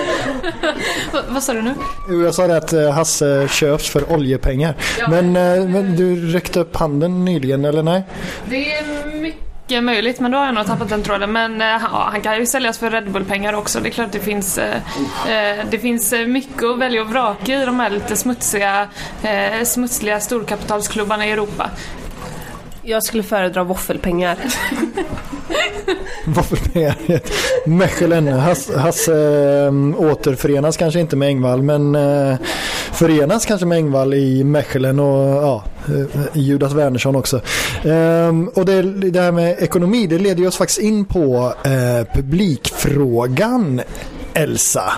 Ja, herrejävlar alltså. Det, förra gången så rasade ju podden också kring att ah, vi inte fick ha någon publik på läktarna och sen så kom ett beslut emellan föregående poddavsnitt och då det här där man just kom med ett beslut att man ska utreda kring hur många som ska få gå på läktarna. Och idag så kom det något typ av beslut att vi ska släppa in ungefär 500 personer. Eh, och jag känner väl mest så här att det här beslutet är ju inte anpassat till fotbollen. Det är som att vi har en kultur och idrottsminister som endast vill vara kulturminister idrotter och inte bryr sig om idrotten. Då förstår man inte att det är lite skillnad att släppa in 500 personer i ett teatersällskap eller att göra det på Nya eller Gamla Ullevi. Så jag är förbannad faktiskt. Um, ja, alltså det är väl klart att det är skillnad på att gå på Dramaten och, och Nya Ullevi. Det är lite trängre på Dramaten, så är det ju. Ja, nu är bara för att, att, dra en lans för Amanda Lind här, hon kan behöva det i dessa dagar, så är det ju eh, eh, det är ju Anders Tegnells folkhälsomyndighet som har eh, kommit med en rekommendation till regeringen om att det ska bli 500 personer. Men eh, jag såg att Max Markusson redan hade tagit på sig rustning, sköld och svärd och ridit ut till eh, klubbens försvar. Och det ska han göra med den äran. För han driver också den här tesen att det är fan skillnad att gå på ett rockband på Neff eller på... Neff finns fan inte ens kvar längre. Ah, nu fick jag ångest. Eh, Yngre blir du inte? Nej, det blir jag inte. På Pustervik säger vi. Eh, som jag tror att citatet är. Eh, och att gå på fotboll på gamla eller nya Ullevi. Så han kommer fortsätta slåss för ett procenttak. 30-40 eh, procent har det ju pratats om tidigare och det skulle väl bli runda slängar 5-6 tusen på gamla och 10-15 på nya va? Något sånt ja. Men samtidigt, okej okay, procenttak 10-15 så har vi fortfarande problem med entréerna. Hur, alltså är vi beredda på att gå flera timmar innan för att vi får typ eh, sitttider liksom när vi får gå in på arenan för att ta det nya Ullevi eh, som då är gamla Ullevi men stora Ullevi. Alltså det är ju inte jättemånga entréer du har in där. Hur, eh, hur disponerar du det så att folk håller avstånd så att det finns liksom utrymme och så vidare. Och då, då har nog kanske Kanske IFK Göteborg också eh, det lite bättre, alltså vi har lite bättre förutsättningar i och med att vi har en väldigt stor arena medan andra arenor eh, eller klubbar då har sämre förutsättningar. Jag tänker på Örjans vall till exempel. Det finns ett insläpp. Nej, men det här gör inte riktigt tre tror jag. Um, Elsa? Ja, nej men jag har väl egentligen bara två saker att säga. Det, jag läste en intervju med Max också och det är väldigt intressant att Häcken välkomnar det här beslutet för de får ju in alla sina 499 fans. Så att, eh, det är klart att de är jubelglada över detta men för oss storklubbar så känns det ju då lite taskigt såklart. Och någonstans här, det är klart att Folkhälsomyndigheten kommer med rekommendation men då blir det också upp till Amanda Lind som kultur och idrottsminister att faktiskt se till att liksom olika branscher har olika förutsättningar. Eh, och det är klart att så här, man måste liksom göra det på ett smittsäkert sätt och liksom endast sittande publik och endast liksom vissa stolar och sånt där. Men vad fan, man får ju ändå göra ett försök som funkar för liksom idrottssektorn och inte bara fokusera på kultursektorn. För det är det som jag är så jäkla besviken över att man, jag tycker att man nu gör. Att man liksom utformar bara det här och tror liksom att det går att göra för alla branscher. För det känns som att de bara fokuserar på liksom kulturen för att det är där som människor skriker högst. Men fan, idrotten samlar liksom tre miljoner människor i Sverige som liksom organiserar sig i någon typ av förening. Det är liksom en av Sveriges största folkrörelser och vi förtjänar lite mer respekt än det här. Det finns andra ministrar som också gör ett dåligt jobb. Christian? det ska gudarna veta. Um, nej men det som gäller är inne här på hur länge innan match kan vi tänka oss att gå. Och jag tänker, eh, jag står kvar. Jag har donerat eh, årskortet, eller pengar. Jag tänker inte kräva tillbaka några pengar för mitt årskort. Och vi följer alla olika regler som kommer från Folkhälsomyndigheten angående pandemin. Och vi swishar pengar till klubben och vi gör det ena med det andra. Jag tror att folk är beredda på att göra ganska mycket för att gå och se livefotboll. Eh, även om det innebär att gå och sitta på eh, Nya Ullevi en timme innan match. Mm jag, då, då kan vi, kan, vi kan köra en runda där. Jag personligen är en sån där som får gå ett varv runt kvarteret innan eh, jag kan eh, gå till festen för att jag är konstant, konstant tidspessimist. Så att jag kan, eh, jag kan absolut vara på arenan två timmar innan match utan problem. Det är ungefär när jag brukar komma. Men det är en intressant frågeställning. Hur, hur länge kan du tänka dig att gå Jelena? Jag är lat eh, nej men helt ärligt, alltså jag älskar i och för sig, alltså jag, sak, jag är uppvuxen på typ eh, en division 5-plan vid sidan av liksom och stått där i ur och skur och tittat. Jag älskar fotboll, jag saknar ju att frysa lite. Eh, vilket man inte gör numera. Men eh, tänk dig Nya Ullevi en regnig dag i september, när, slutet av september när det är liksom ja, 10 grader, det blåser så att det regnar rakt i ansiktet. Nej, nej ja, då kommer inte jag gå på matchen. Då stannar jag ju hemma. Eller, liksom, eller förstår du? Alltså det, jag tror att då hade det varit sommaren hade det inte varit några problem för folk att vänta en timma eller en och en halv innan matchstart. Men i oktober, november och december som även matcherna spelas så är jag jätteledsen men jag tror inte på att folk kommer vara så taggade även om vi säger det. Det finns inga dåliga väder och så vidare. Elsa? Nej, jag är lite den inställningen också men det är väldigt lätt för mig att säga som är en brutal tidsoptimist och är sen till allt jag dyker upp till. Även den här podden. Jag tror faktiskt inte jag har kommit i tid en enda gång när vi ska spela in så det ber jag om ursäkt för. Nej men jag, jag har ju inställningen såklart att jag väntar så länge som det krävs. Det är liksom lite, lite så mycket jag längtar efter att gå, och gå på fotboll men vi alla vet att jag kommer dyka upp där en och en halv timme sent ändå. Typ precis innan matchstart och tänka oj, eh, det här var ju inte så jäkla bra. Så att Eh, min inställning är ju att jag väntar så länge som det krävs men tyvärr så vet jag ju att jag fungerar så att jag kommer ju bli sent i det här så länge som det krävs ändå. Elsa är alltså en av de där som man får resa sig för när, när matchen precis har satt igång. Alltså grejen är, det finns ju dessutom, det glömde jag att ta med i min beräkning, men det finns ju någonting kulturellt i Göteborg kring fotbollsmatcher att man alltid här köper biljett sent och går till matchen sent. Jag, jag, skulle vara jävligt spännande om någon kunde ta fram statistik på hur mycket biljetter som Blåvitt säljer till matchen typ de sista tre timmarna och jämföra det med de andra storlagen. För jag tror att vi är exceptionella där att folk bestämmer sig jävligt sent. Jag tycker det är klandervärt beteende att komma sent men uh, det är en, en annan sak. Nej men jag tänker lite mer som heliga Birgitta att eh, det anstår inte den visa att ha bråttom. Uh, Nej men skämt åsido. skämt åsido så, så någonstans, alltså så här, det är klart att man får försöka ta till alla medel för att lösa detta. Typ sätt en deadline. Innan här får du inte köpa liksom biljett. Sen tydligt på biljetten, du ska vara vid den här entrén, vid det här klockslaget. Och så kanske man inte kör att alla liksom, alla supportrar får liksom köa på en och samma gång utan man får liksom ge, ange på biljetten när folk ska börja köa och så får man liksom ha olika typer av insläpp. Jag tror ändå att det går att lösa på ett smittsäkert sätt och jag hoppas det. För att jag vill så himla gärna börja gå på fotboll igen. Ja, det är väl inte annat än en Rolling Stones-konsert. Jag menar det är eh, insläpp och sen konsertstart och så får man väl eh, ha olika liksom, tider att förhålla sig till. Men jag tror också att eh, om jag tänker som Folkhälsomyndigheten eh, så kan jag tänka mig att de vill gärna se vad som händer nu. Eh, nu har skolorna startat, eh, folk är tillbaka på jobbet. Eh, ökar smittspridningen? Alltså blir det fler fall eller eh, kör, har vi det liksom rätt jämnt här i Sverige? För grejen är den att många andra länder har en ökad smittspridning.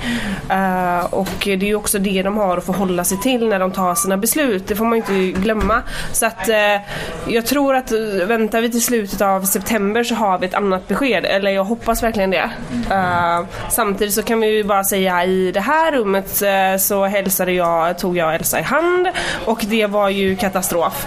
Så att uh, det finns ju fortfarande... Du sprit efteråt för alla oroliga uh, Det var ett misstag. Ja Antonio, de tog faktiskt handsprit så du kan vara lugn.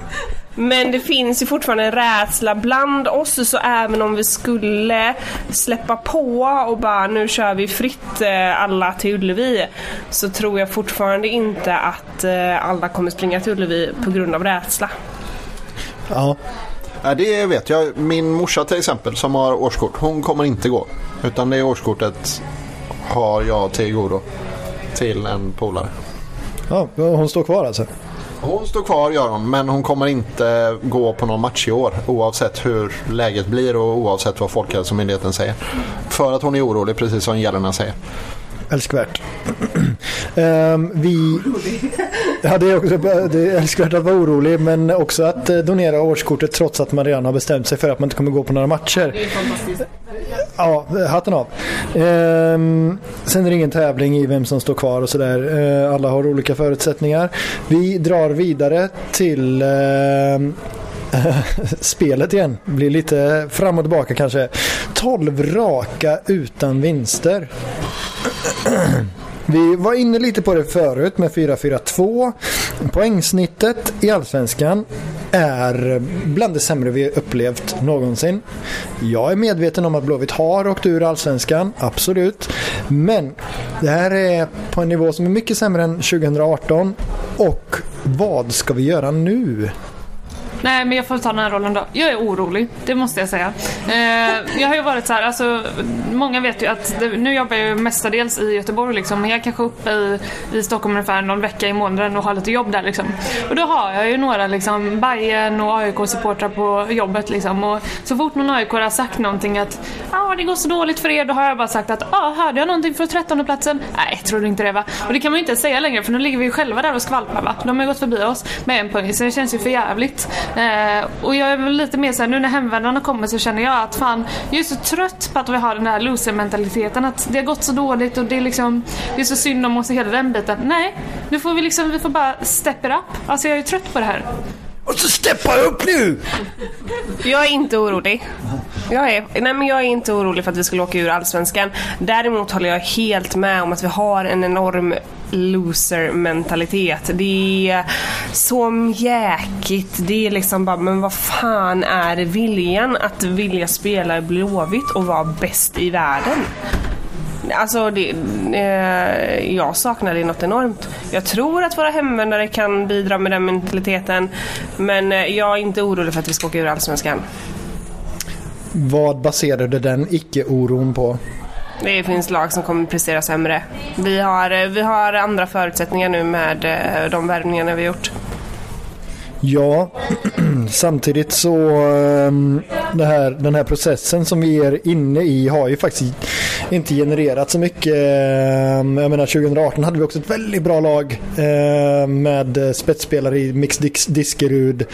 Halva säsongen. Halva säsongen i och för sig, det är sant. Vajaba Sakur också. Ja, det, ja, nej, det är klart.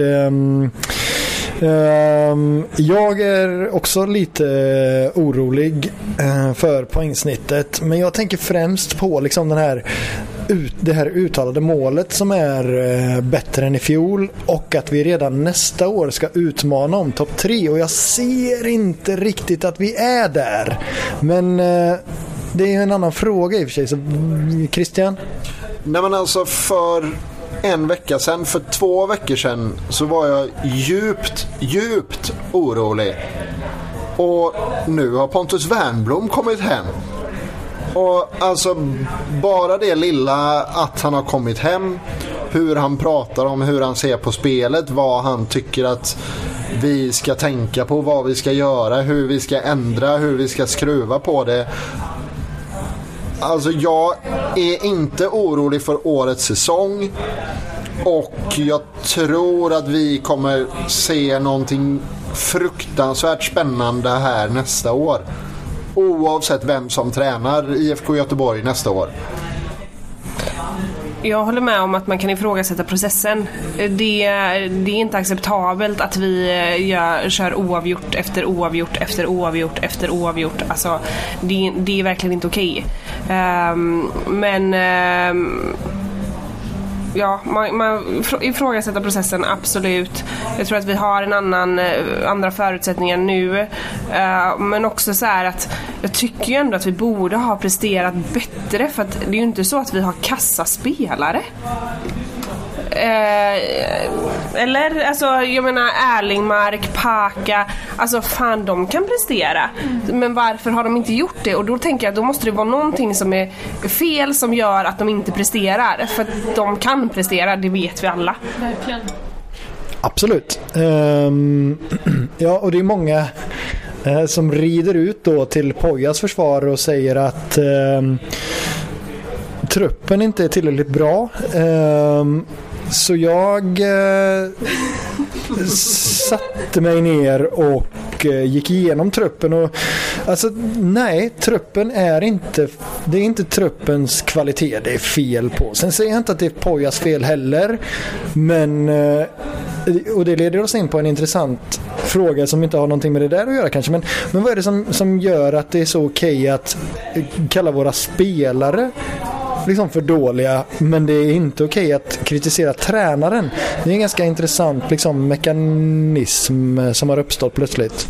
Ja men och det är ju någonting helt nytt upplever jag. Alltså, och nu faller jag tillbaka till det här igen. Jag gillar inte fotboll, jag gillar Blåvitt. Så jag har ingen aning om det har varit så här på an i andra klubbar i Allsvenskan att man inte får klanka ner på, på en viss tränare för att de ja, är helgonförklarade eller någonting. Jag har ingen aning. Det är mycket möjligt att den kulturen kan ha funnits någon annanstans. Men för mig är det helt nytt i Blåvitt att Eh, och nu låter det lite raljant men att man hejar på tränaren liksom.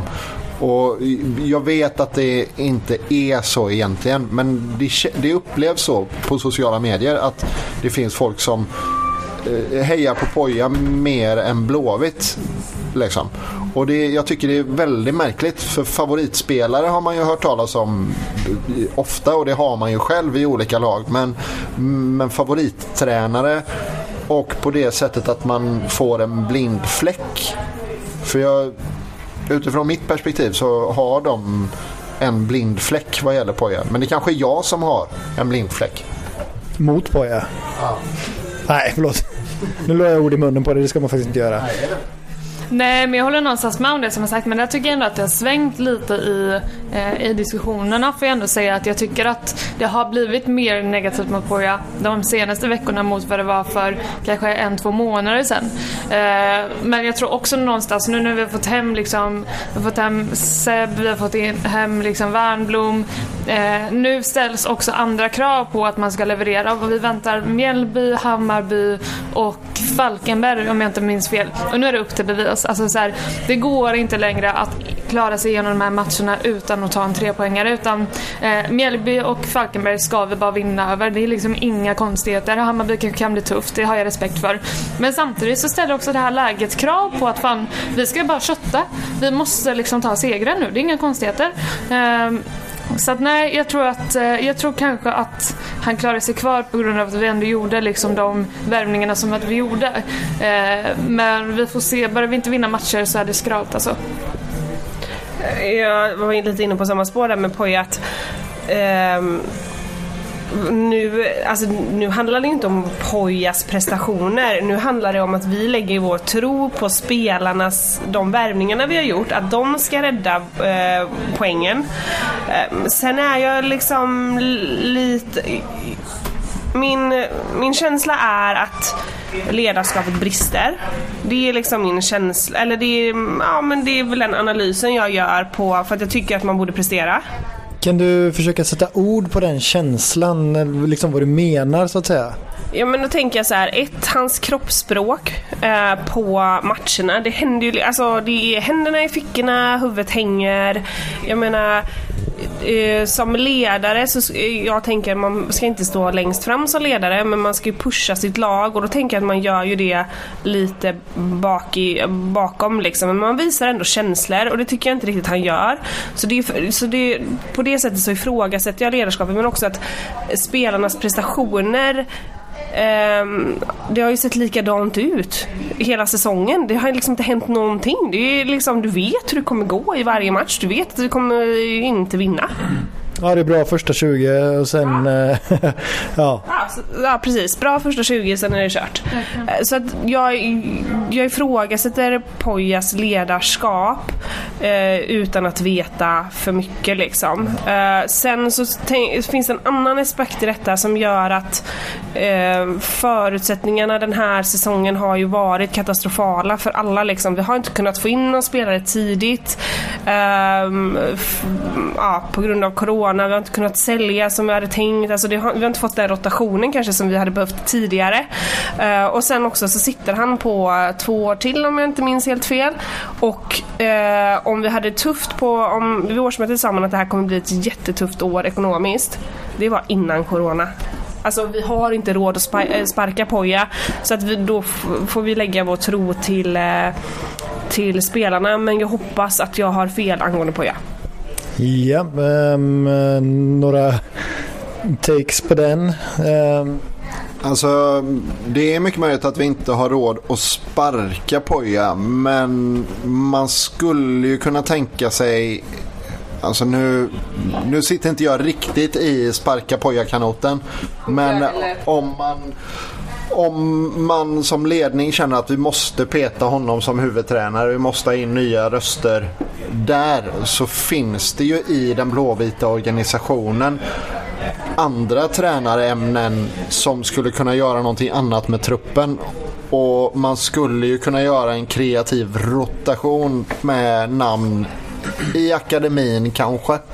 Men det, där har vi, eh, som jag ser det då, två problem. Dels då ta in assistent till Poja igen. Eller assistenter som vi gjorde 2018. Eh, Blir inte det en misstroendeförklaring mot hans ledarskap? Eh, Alltså att man undergräver hans ledarskap. Två, jag är ganska säker på att Poja har skrivit kontrakt som tränare för klubbens representationslag. Jag... Ja, det, hade jag varit Poja så hade jag sett till att skriva kontraktet på det sättet. Hade jag varit IFK Göteborg så hade jag nog försökt att skriva det som tränare. Eh, det vill säga att man kan peta honom som, så att han får träna något annat lag i organisationen helt enkelt. Ja, rutinerad, det var en eh, rutinerad tränare i form av Mikael Stare som sa det i sin podd med Jonas Dahlqvist. Eh, och då sa han att det är väldigt viktigt att se till så att man eh, skriver kontrakt som tränare för klubbens representationslag för att annars kan du bli flyttad till något juniorlag eh, för att du ska säga upp dig för då kostar det inte lika mycket. Så att, men Poja är orutinerad. Eh, så, men å andra sidan så hade han en agent som företrädde honom. Ehm, en, en inte helt älskvärd agent kanske. Så, men, så det finns ju en risk att man inte kan göra en rokad och byta plats på Jonas Olsson och Poja till exempel. Men däremot så skulle man ju kunna stötta upp Poja. Men då är ju frågan, eh, ja det är ju problematiskt. Ja, men då, då blir det ju lite som att man kastrerar honom. Eh, om man eh, skickar in eh, Hannes Stiller och Hjalmar Jonsson igen. Att då... Eh, ja, nej, det blir ju ingen, eh, inget vilddjur som är längst fram som huvudtränare då längre. Nej, men eh, Hjalmar Jonssons blick. Jo, jo nej, men jag, jag är med dig. Jag hade, jag, alltså, behöver man ändra på någonting så är det klart att en sån lösning eh, att man kan göra den. Men jag tror att gör man den igen så behöver man se till att kunna sparka Poja sen. För då har man undergrävt hans förtroende två gånger i princip. Ja, absolut, absolut.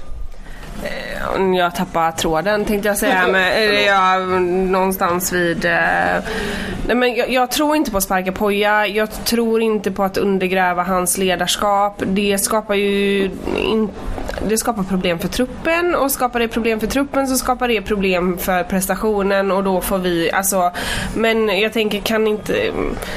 Om det är nu som vi tror liksom, eller vår känsla, alla tycker ändå att på ett svagt ledarskap att eh, stötta upp i eh, det dolda. Alltså, mm, för någon förändring krävs ju. Det är någonting som säger... Alltså du, han har ju ändå varit här sedan 2000, 2018. Det händer ju ingenting liksom. Eller det är känslan. Sen kan vi vara helt ute och cykla. Våren 2019 skulle jag vilja använda som eh, argument då. Ja, men precis, alltså, det har, alltså 2019 var ju, och våren 2019 var ju helt fantastisk. Uh, men uh, var det Pojas uh, ledarskapsförtjänt eller var det andra faktorer som spelade in? Att han fick en nytändning kanske med, med Ferran, vem vet. Um... Men då spelade man ju ett rakare och direktare spel som inte har kännetecknat någon av de andra om vi nu kallar det terminer och att det här var en termin av sex som Poja har spelat. Eh, som han har tränat oss. Och ingen av de andra fem terminerna då eh, liknar den. Så det handlar ju mer om att han hade ett spelarmaterial eller eh, ja, att han föll tillbaka på att han var tvungen att göra någonting som han egentligen kanske inte önskade. För sen hösten 2019 såg det ju inte alls ut så. Nej. Eh... Alltså, då tappar vi spelare också. Alltså, vi tappar ju typ alla som var bara så åh snälla kan vi inte få bara ha kvar dem så vinner vi SM-guld. Ja, men var inte också känslan, absolut, det, det, det, det, ligger någonting i det. Men var inte känslan också att när 2020 började och så började man rulla och så såg man att vänta nu, det här ser ut precis som 2018. Vi bygger inte på 2019. Jag tycker eh, det, det ringer väldigt många sådana där 2018-klockor över spelet. Eh, fast med många förbättringar, absolut. Nej, men jag håller verkligen med. Att jag tycker att den här säsongen är ett steg tillbaka prestationsmässigt mot 2019. Att då såg det ändå som att vi var på väg någonstans. Då kände man ju liksom ett förtroende för liksom att ja, men det, här är, det här går någonstans. Eh, vi har liksom en tanke, vi har liksom en idé kring vart vi vill. Men nu känns det lite som att vi inte riktigt vet vart vi vill längre. Eh, och där är jag väl lite liksom kritisk kring liksom att det är klart att så här, det är klart att vi har en annan trupp i år. Eh, det är klart att liksom förra året så hade vi eh, fantastiska liksom spelare med oss. Men, eh, men jag tycker ändå att den här säsongen är ett steg tillbaka prestationsmässigt och det, det är jättedumt för att det står inte i affärsplanen. Men Max sa ju så här, förra året kanske vi spelade oförskämt bra. I år kanske vi spelar oförskämt dåligt. Um, och sen så tror jag också att det finns andra faktorer som spelar in som gör att den här säsongen blir väldigt märklig. Eh, frågan är om man kan verkligen Ja, alltså spelet är inte som man önskar. Det är ett steg tillbaka men är det så att man som människa är väldigt urlakad liksom, på grund av allt som har hänt runt om i världen och liksom, det har ju påverkat oss alla extremt mycket. Det är klart att det kommer påverka våra spelare också och tränare. Men det gäller ju alla lag. Ja men precis. Det gäller ju liksom även motståndarna och ehm... Ja, man kan säga att bollen, eller jag, jag, jag, köper inte att bollen studsade med oss extra mycket 2019 och att den studsar emot oss extra mycket nu. Liksom. Inte över 30 gånger 90 minuter och eh, liksom 16 gånger 90 minuter. Jag, jag köper, alltså enskilda matcher visst, men inte hela säsonger. Liksom. Det är den typen av tur som räcker en hel säsong, den förtjänar man. Ja, och sen om man då tänker på den här våren som var 2019. Jag menar, vi har ju nästan en uh, sliding doors moment där mot uh, Borås, eller Elfsborg. Uh, där, där allting bara vänder. Där vi helt plötsligt sätter chanser. Vi spelar en jätte, ett jättefint pressspel. Vi, vi kombinerar oss fram till Pakas helt fantastiska mål. Och det bara fortsätter och fortsätter och fortsätter. Och vi liksom eh, spelar ut djur, Djurgården efter noter med den här liksom defensiva taktiken som vi ändå spelade då på ett sätt. Och sen så har vi ett kuppspel i år där jag tycker att man spelar på ett spel som påminner om 2019. Mm. Och där vi, vi, faktiskt vinner en titel. Och sen har vi en allsvenska där vi spelar som 2018 fast mycket bättre. Um, för det, jag tycker det känns mer kontrollerat i år än vad det gjorde 2018. 2018 var ju kaos alltså. Ja. Um, men um, ja. Nej, det enda jag vill lägga till det är ju liksom att förra säsongen, alltså någonstans, alltså att jag tycker inte att vi liksom fick liksom en rättfärdig placering i Allsvenskan utifrån hur bra vi faktiskt spelade förra säsongen. Jag tycker verkligen att vi borde fått ut mer av den säsongen. För att det var ju liksom och det blir så jäkla fult för man ska inte sitta och skylla på domarna. Men det var ju så jäkla många matcher så man bara liksom, fan de här matcherna avgjordes ju av att de andra, att det andra laget hade en tolfte spelare i, i liksom domarnivån. Ja, Djurgården borta. Ja, sa, till exempelvis liksom. Och de gick ju i taket när många liksom, Blåvita supportrar liksom uppmärksammade detta. Men det var ju någonstans korrekt att så här, vi hade legat på en helt annan placering om vi inte fått de här jäkla domsluten liksom, emot oss hela säsongen. Så jag tror verkligen att så här, det var nästan så att jag, jag nästan kan liksom slänga ur mig att vi borde ha gått för ett guld förra säsongen i Allsvenskan. Men är inte det lite loser att skylla på domaren då? Jo, det är det. Men samtidigt, det, jo, nej, men det är det definitivt. Och jag tycker inte att vi kan skylla 2019 års att vi inte vann SM-guld på domarna. Det, det, känns, det känns tungt ändå. K- k- Kommentar på det Elsa? Så, så alltså jag, det är inte så att jag tror att vi hade vunnit SM-guld om det inte var för domarna. Så brutalt långt vill jag ändå inte gå. Men jag, jag tycker att vi, hade, alltså vi förtjänar en annan placering än den vi ändå fick. Utifrån att vi ändå hade extremt många matcher som någonstans vi fick en straff emot oss, vi fick en orättvis liksom, utvisning, vi fick många straffar. Eh, eller vi borde ha fått fler straffar med oss. Men man ska ändå inte fastna där att ah, eh, det är domarnas fel att, eh, att, eh, att det går som det går. Utan så här, nej vi hade kanske kunnat prestera bättre. Men, men det kanske ligger någonting i liksom också så här, att den truppen vi hade förra året, eh, om man vågar vara liksom lite på domarna och protestera när man inte får ett beslut med sig, då vet de ju med, alltså då tar de ju med sig det i sina framtida beslut liksom. Om man bara har den mentaliteten att ah, nu fick vi ett dombeslut emot oss, gud vad jobbigt, ah, att man inte säger ifrån liksom. Då blir det också mycket enklare att döma mot Blåvitt gång på gång på gång på gång. Så det kan också ligga mycket mentalitet i det liksom. Men nej, så långt vill jag faktiskt inte gå. Men jag tycker inte att vi fick den placeringen vi förtjänade förra året. Så med bättre domare hade vi blivit topp tre förra året. Nej men ja, alltså domarkvaliteten i Allsvenskan den är för låg. Det är inget snack om saken. Jag tycker verkligen det. Eh, sett till Blåvitt. Samtidigt så vet vi ju inte eftersom vi inte följer de andra lagen slaviskt så vet vi ju inte riktigt heller hur domarna presterar i de andra matcherna. Så att vi är väldigt partiska när vi uttalar oss. Jag skulle vilja säga att domarna håller ungefär samma kvalitet som spelarna faktiskt. en sågning. Ja, det kan må vara hänt men Nej men det, så, så är det liksom. Vi, vi har ungefär de domarna vi förtjänar i Allsvenskan. Eh, och det är liksom varken mer eller mindre med det. Sen så kan jag väl kanske hålla med Elsa om att vi på något sätt har tappat våran storlagsfördel eh, gentemot domarna de sista åren när vi har tappat i kvaliteten. Att vi har inga som riktigt ryter ifrån. Och vi på läktaren kanske inte tryckte på riktigt heller. Jag vet inte. Eh, men, eh, nej, men det... Ja, nej men alltså med, med andra domslut i, eh, alltså med korrekta domslut i båda Djurgårdsmatcherna förra året så hade det blivit en annan guldvinnare. Och den är ju sjuk bara den eh, tanken. ska man ju sätta straffarna också.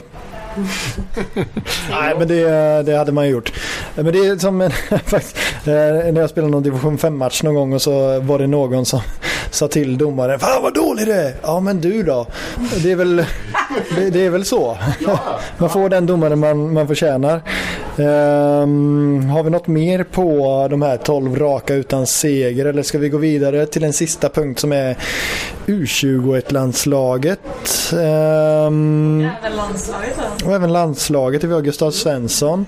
En spelare som ligger mig väldigt varmt om hjärtat för att han började ju spela i min moderklubb Azalea BK året jag föddes, 00. Så att, eh, det är klart att det ligger lite varmt om hjärtat att se Gurra spela i landslaget. Skulle man kunna se det som att det finns någon form av omen som då leder till ett EM-guld nästa sommar? Du är mer optimistisk än vad jag är. Glaset är halvfullt. Däremot så tycker jag det är lite vågat utav Janne att plocka ut Gurra ändå. Från eh, coronapandemins totala katastrofland eh, USA. Det hade ju inte känts självklart. Du menar att han kommer komma med corona till resten av laget? Nej, det menar jag såklart inte. Han blir väl screenad typ 20 gånger innan eh, han kommer in i landet. Men det, jag vet inte hur mycket de ens har spelat Nej. i USA i MLS innan, eh, innan han kommer. Det, jag tycker det det säger någonting om Gustav Svenssons status i Jan Anderssons landslag att han får spela fastän att han spelar i USA. Ja, han hänger väl på Disneyland nu va? Gör de inte det? Säkert. Jo, jag tror det. Ja, nej men eh, hela MLS alltså. MLS och NBA hänger ju på Disneyland. Ja. Ehm, men nog om det. Jag tänker faktiskt att vi drar vidare från landslaget till damlaget ehm, och diskuterar liksom hur mycket Blåvitt, huvudföreningen, bör exponera det här unga laget. Ehm, jag, jag, jag tycker att det är sparsamt och jag, tyck, jag tycker personligen att det är bra att man låter de här unga tjejerna få vara anonyma Dels för att de spelar i division 4 men också för att de är f- 16-17 år gamla liksom. Ja, på individnivå tycker jag att du har rätt. På det historiska första medlemsgenomröstade representationslaget på damsidan så tycker jag att du har fel. Eh, och Varför har jag fel? För att det är historiskt att vi har ett damlag överhuvudtaget.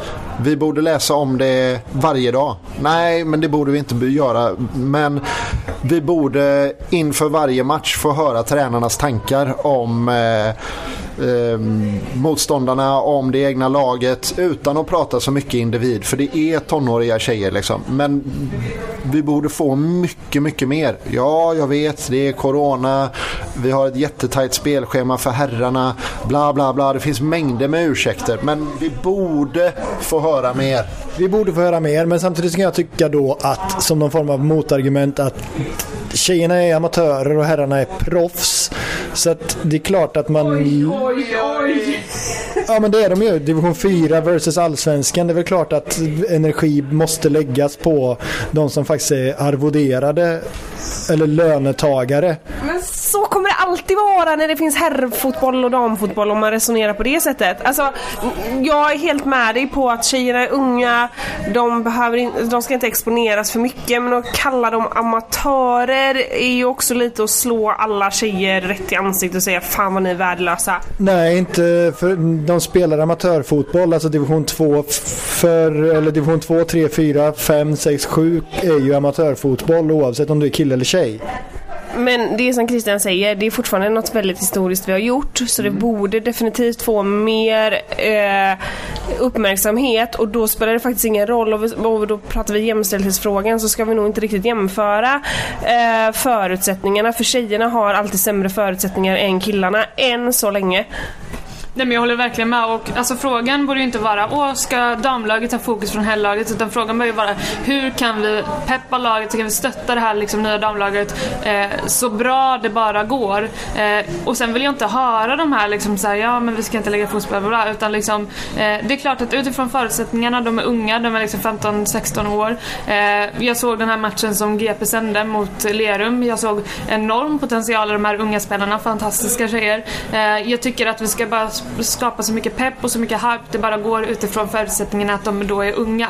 Eh, men sen ska vi också passa på att lyfta att så här, det här är ju som ni ser en, liksom en historisk möjlighet för oss. Eh, och framförallt så har vi ju ett lag som eh, ett lag som också vinner matcher. Bara det, att man kan gå att man kan liksom kolla på ett blåvitt lag som vinner någonting, det är ju fantastiskt. Och det är ju mer än vad herrarna gör.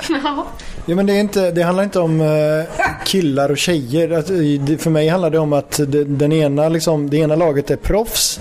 De jobbar som fotbollsspelare och det, det andra laget är inte proffs. De är faktiskt per definition amatörer. Hade de spelat i Allsvenskan så hade de inte varit amatörer, då hade de ju varit fotbollsproffs.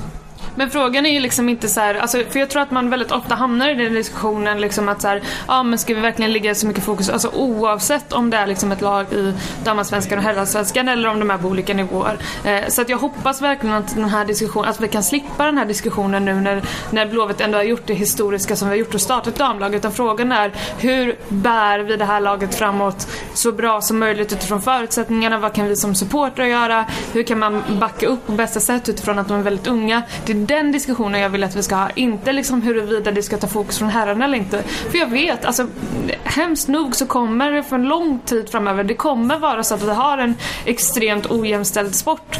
Eh, och så det får man någonstans liksom jobba runt och liksom jobba med förutsättningarna. Men målet måste ändå vara att vi ska liksom ha en jävla hype kring det här laget för det är fantastiskt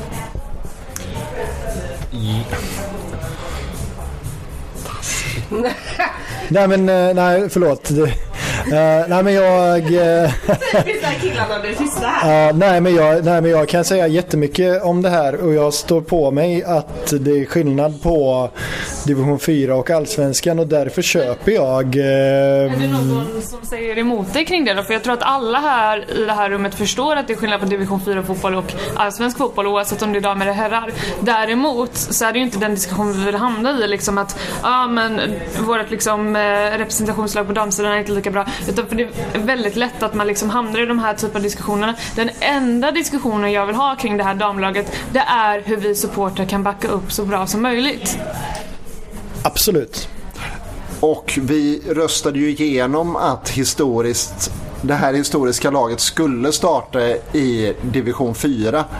Mm. Eh, och då kan det ju inte vara så att den här historiska händelsen ska bli helt underrapporterad bara för att vi valde att de ska starta i division 4 som ett amatörgäng. Är du med på hur jag tänker? Jag är med på hur du tänker och jag hade nog resonerat helt annorlunda om det inte vore för att eh, liksom, representationslaget för herrarna eh, spelar match var tredje dag. För att det är mycket att göra liksom, för kommunikationsavdelningen jag köper prioriteringen, jag gör det. De ena är proffs, de andra är liksom 16-åriga division 4-spelare idag. Ja, alltså jag förstår prioriteringen. Det kan jag absolut eh, köpa. Kommunikationsavdelningen har jättemycket att göra. Eh, men en frågeställning är om nu eh, herrarna mm, åker ur då? och spelar division 1 och damerna spelar division 3. Det är inte jättelångt ifrån varandra det är jättelångt ifrån varandra men eh, då har vi fortfarande, då har vi två, jo men det är det ju division 1 och division 3 ju, alltså division 3 kan du fortfarande laja, division 1 kan du inte laja.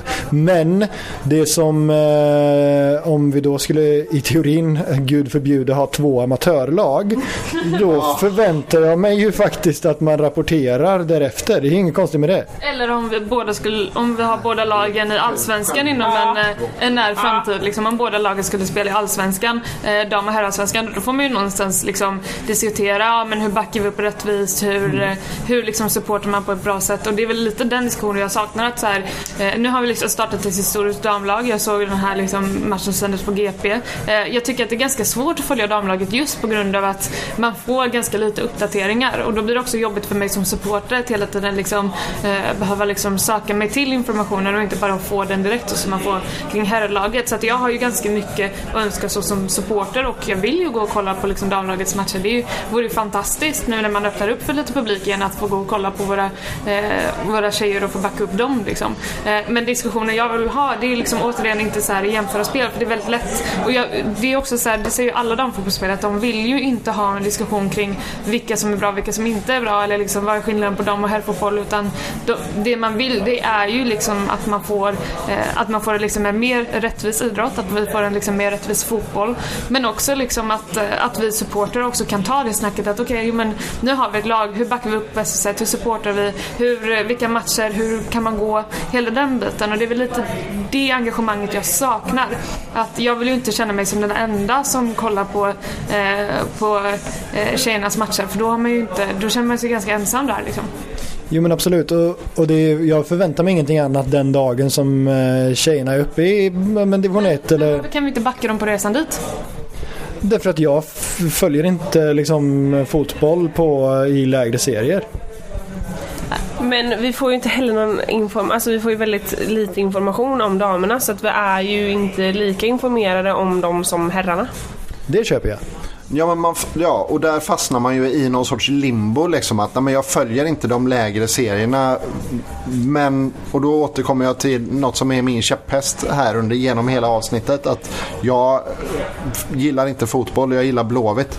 Och ge mig möjligheten att gilla både dam och herr Blåvitt då. Men då behöver jag ju få reda på Alltså mata mig med lite mer info. Jag behöver ha lite mer för att kunna älska det här laget.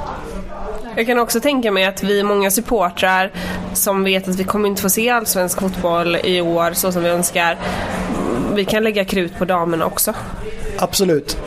Men om jag då ska försvara mig själv här så får jag säga att eh, nej jag följer inte fotboll på, på, på lägre nivå och det är ju liksom jag har ju andra hobbys i livet än, än bara IFK Göteborg. som inte har ett liv här utan vi, vi kollar ju slaviskt på varenda match. Alltså typ när juniorerna spelar vi liksom försöker liksom tuna in och liksom lyssna och kolla. Nej jag skämtar åsido. Nej men jag köper det. Vi ska inte liksom eh, köra någon eh, attacksport här i podden utan det är klart att man har liksom intressen och sådär. Men, men det jag saknar som fler lyfter upp det här det är liksom dels att vi är med de här eh, tjejerna på liksom den resan så som Blåvitt nu ändå gör. Att fan de här tjejerna ska nå toppen och vi ska hjälpa dem dit. Men också så som eh, både Christian och Helena liksom, eh, efterfrågar här information så att man kan följa dem. Eh, att vi liksom får liksom utskick när vi vet att det är matcher, att vi får se liksom mer hype kring spelarna. Om de nu klarar av det. För Max var ju också väldigt tydlig liksom i, när han intervjuades i Blåvitt eh,